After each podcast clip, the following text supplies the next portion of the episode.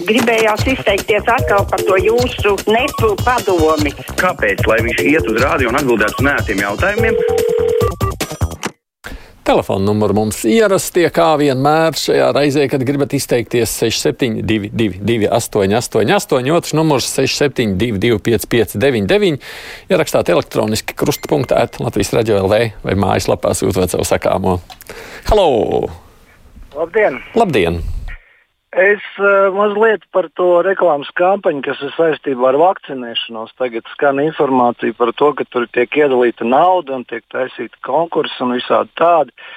Bet es gribēju pieskarties vienai citai lietai. Saprotiet, tā reklāma, kas tiek izgatavota un tie lielie, tās lielās kompānijas, viņas apkalpo arī visus tos ātros kredītus, dažādas citas reklāmas kampaņas, kur nu, ir atklāti sakot, nu, tāda pierunāšana. Ja? Un tie paši radītāji arī tagad izstrādās šo reklāmu, kas būs attiecībā uz, uz kampaņām. Man nepatīk tas, ka nu, rokraksts ir tāds pats, un, un rezultātā man liekas, ka man cenšas kaut kur iemānīt.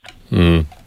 No to var vienīgi likt, protams, paši kampaņas, ja šo reklāmu aģentūru cilvēku aiz auss, jo realtātē jau, protams, ka šādas lietas dara profesionāli cilvēki. Nu, tās jau, protams, ir Jā, nu, tās ir firmas, kuras gan savstarpēji arī konkurē. Tā, kā, nu, teiksim, tā, bet ir skaidrs, ka viņas nestrādā tikai uz vienu reklāmu, bet strādā uz daudzām. To jārēķinās. Olafs saka, ka nekā personīgs sižets par noslukšā zēna vecākiem ir šokējošs. Kam mums vajag tie entie policisti, prokurori, vidi izmeklētāji, ja gal galā strādā formāli? Uzbūvēta sistēma, kas atražo pati sevi. Uzskata, ka bez tādas reālas iekšlietu prokuratūras reformas nekas nemainīsies. Tad pusi darbinieki ir jāatlaiž, pāriem jāmaksā dubultā, lai vienreiz būtu konkurence. Jā, lūdzu! Labdien! Labdien. Te es sen nogurus tantu no bolševiku laikiem. Es par tiem mūsu mīļajiem latviešiem ārzemēs. No. Tāpēc viņi nebrauc atpakaļ īres līgumu nu pat pieņēma, lai aizpildu tukšos dzīvokļus gan Rīgā, gan citās Latvijas pilsētās. 20 tūkstoši darba vietas ir brīvas, lai brauc un strādā. Kāpēc nebrauc? Nu, jūs jau labi zināt, protams, arī algu līmeni, bet patiesībā pieņemt lēmumu par kaut kur braukt vai nebraukt, ticiet man, tas nav vienkāršs lēmums. Arī aizbraukšanas lēmums taču nav vienkāršs lēmums bijis. Tāpēc es teikšu, kā ir šis Es saprotu, ka nu, pieņemt šādu izšķiršanos nav viegli. Labdien! Labdien. Jūs pagājušajā pārtraucāt Vox Populi pa policiju, neļāvāt izteikties. Nu, iekšliet ministra darbinieks skaisti nenosaka noziedzību līmeni. To nosaka darbinieku attieksme un likumdošana. Un pirmkārt, policijā nevajadzētu strādāt tiem, kas nav spējīgi apgūt valsts valodu visaugstākā līmenī, jo tas liecina ne tikai par zemu intelektu, Un jāatbrīvojas no visiem, kas tev taisīja, kā ir Čevē, Tūlā, Jaunžēkā, Godmaņa, Mūniņš, Tokenberg un Kazlausku laikā.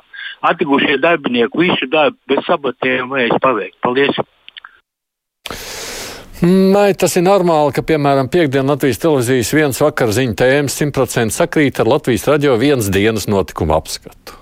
Kādēļ tautai uzturēt divas ziņu dienestus, ja var LTV skaļas celiņu palaist iekšā radio, visas vienādas ziņas pārklājas? Viens klausītājs, kurš ir kritiski noskaņots, ziņas vienmēr pārklājas. Jautājums jau nav par to, ka ziņas varētu dažādas būt. Jautājums ir, kā tās tiek iz, nu, izvēlētas un interpretētas. Par to jau ir stāsts. Tāpēc jau ir tā dažādība. Vispār jau patiesībā, ja jūs gribētu vienkārši ziņu apkopojumu, pieteikt taču ar ziņu aģentūru paņemiet, lasiet, un tur viss būs skaidrs. Nemaz nevajadzēs nekādu izvēli teikt pašam. Skatos, vēl te raksta klausītājs Tomsons. Esi beidzot godīgs, izlasi visu tekstu. Teksas ārsts dr. Stīvs Hotse ceļ trauksmi, ka tas, ko PVO sauc par covid vakcīnu, vispār nav vakcīna. Un tālāk aiziet viena ļoti anonīma. Bet, nu, skaidrs, kāda ziņa, ko jūs arī šeit varat izlasīt. Halo! Halo! Tas ir uh, brīvais mikrofons. Brīvais mikrofons, jā. Es gribēju uh, no. tādu lietu. Jums šodien būs krustpunktā pārstāvis no, no tā mm, vakcinācijas biroja. Uh, man šķiet, ka netiek runāts par šādu tēmu, ka kārtējo reizi laucinieki būs atkal apdalīti salīdzinot ar pilsētniekiem. Jo uh, jo mums uh, nebūs pieejams izņemot AstraZeneca nekas cits, arī tad, kad jau varēs izvēlēties šīs te, uh, nu, potes vakcinācijai. Paldies! Es gan nezinu, kāpēc jūs domājat, ka tad, kad varēs izvēlēties, kad nebūs nekas pieejams. Bet šoreiz šī nebūs tiešām amatpersonu sadaļa, tāpēc šī būs saruna mazliet citādāk pēc pusdien vieniem. Aidi, paskaidrojiet, kaut ko nesaprotu. Kas ir, jebkur ir zemūdens akmeņi tam, ka neļauj PBK dot LTV septiņu ziņu saturu? Jo pēc loģikas tas ir pat izdevīgi, ka mums ir nedraudzīga kanāla skatītāja, kas bieži skatās vienu melīgu saturu un pa vidu saņem arī patiesu saturu. Mika, jautājums vietā, manuprāt, tiešām vietā, bet tā kā es arī nezinu precīzi visu, tad es šobrīd nevaru komentēt, bet es ceru, ka uz jūsu jautājumu atbildi tiks rasta. Halo! Labdien! Labdien. Es gribēju mazliet parunāt par to ozolu e, rakstnieku. Viņš, nu kā pareģis, viņš diezko neko nedara, jo viņš teica, ka ar mieru likt miljonu, ka uzvarēs Klintons, nevis Trumps. Un tad viņš teica, ka gadu laikā, jau pirms sešu gadu, ka Katalonija būs brīva, viņš to var apzvērēt. Bet tagad viņš ir tik pesimistisks. Es vakar klausījos T24. Visi, pilnīgi visi ir slikti un ļauni un zagļi. Un tā kaut kur no malas ņems kaut kādu premjeru varētu un prezidentu. Kur tad mēs tādas mesijas atradīsim, kas pēkšņi atnāks un Latvija izcels saulītē, ka visi citi ir tik šausmīgi slikti, bet divi tad kaut kādi ārkārtīgi labie būs. Es tiešām apbrīnoju šitā, kā viņš palicis par tādu pesimistu, nu nesaprotam. nu, pesimists cilvēks ir tajā brīdī, kad viņš ir opozīcijā, kad viņš kļūst pozīcijā, tad viņš kļūst par lielu optimistu. Protams, lielā vilcienos ir jau tad, kad krīze, tad arī tur vairs nav optimisms, bet nu, politikā tas kundze ļoti normāli. Tam ir jābūt. Īres likumu pieņēma, bet īres cenas jau no tā mazākas nekļūs. Rakst mums Viktors, un atalgojums Latvijā nav samērojams ar visām šīm dzīvokļu īres cenām. Nu, vienīgā piebilde, protams, ja runājam par šo, ir tāda, ka skatoties to, kādas ir īres cenas citvietā pasaulē, ir īpaši tajā pašā Londonā, kur piemin. Tur jau, nu, protams, šis ir man šķiet vēl sāpīgāks jautājums nekā pie mums. Halo! Halo, labdien! Labdien! Es arī gribu piedalīties. Nu, piedalieties, jā, droši. Jo, piedalīsieties? Jā. Nu. Nu, es arī par to pašu vai nekā vakcinēšanu. Tas ir skaidrāks par skaidru, ka eh, ne, tā, ne tas birojs, ne arī mm, visu pagājušo gadu uh, attiecīgās institūcijas un iestādes nav strādājušas līdz pēdējiem brīdim. Jo tiešām uzspiedīs lauciniekiem tikai to AstraZeneca. Un, un kaut vajadzēja visu laiku strādāt ar ģimenes ārstiem, kuri pārzina savus uh, pacientu vai neveselības stāvokli un kuri varētu pieprasīt, kad vajadzētu varbūt tādu un tādu un citādu potus. Nu, tā problēma jau nav vienkārši laukiem vai pilsētām. Tā problēma ir tāda, ka Latvija ir visu savu stratēģiju lielā mērā gada beigās balstījusi tikai uz šo AstraZeneca vakcīnām. Tāpēc jau tā tas ir. Mums jau nemaz tās citas tikpat kā nav pieejams. Un, protams, jautājums otrs līdz ar to šajā sakarā ir bijusi loģistikas nenodrošināšana. Ah, es varu tikai nopūsties. Sakrā ar meža dienu raksta mežonieks viens. Dzīvojam Latvijas valsts meža vidū un taisnība, ka dabīga meža nav. Tad ir monokultūras audzes, kurās izplatās slimības, un daudzveidība ir zudusi.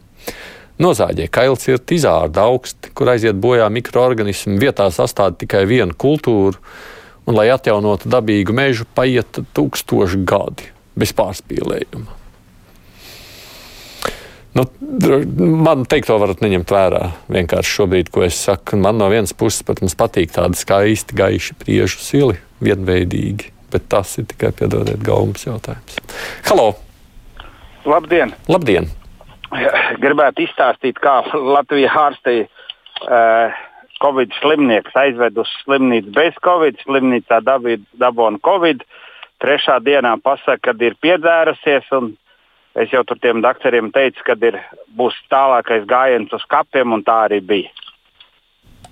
Nu, es šo pantu ļoti konkrēti nevarēšu komentēt, bet, ja jums ir kāds tik ļoti bēdīgi pieredze, tad tiešām ir jāraksta sūdzība jāvērš inspekcijā. Jo citi jau es neko šobrīd nevaru ieteikt. nepiekrītam cilvēkam, kas raksta, ka ziņas pārklājas. Radio ziņas nemaz neizklausās pēc padomi gadu vrēmjas. Tā jau arī, protams, tas nebija domāts. Nu, reizēm pārklājas, reizēm nē, tas arī skaidrs. Protams, nu, ziņas ir tādas, kādas ir. Un tajā brīdī, kad viena vai otra tiek raidīta, nu, tad mēs arī to zinām, to, kas Latvijai noticis. Mēģinu pacelt. Halo! Halo! Ah. Labdien! Labdien. Ziniet par to vakcinēšanu. Es jums ko teikšu. Cilvēki nezina, ko nozīmē kāda vakcīna. Viņi domā, ka tas nosaukums un tas kaut ko izmainīs.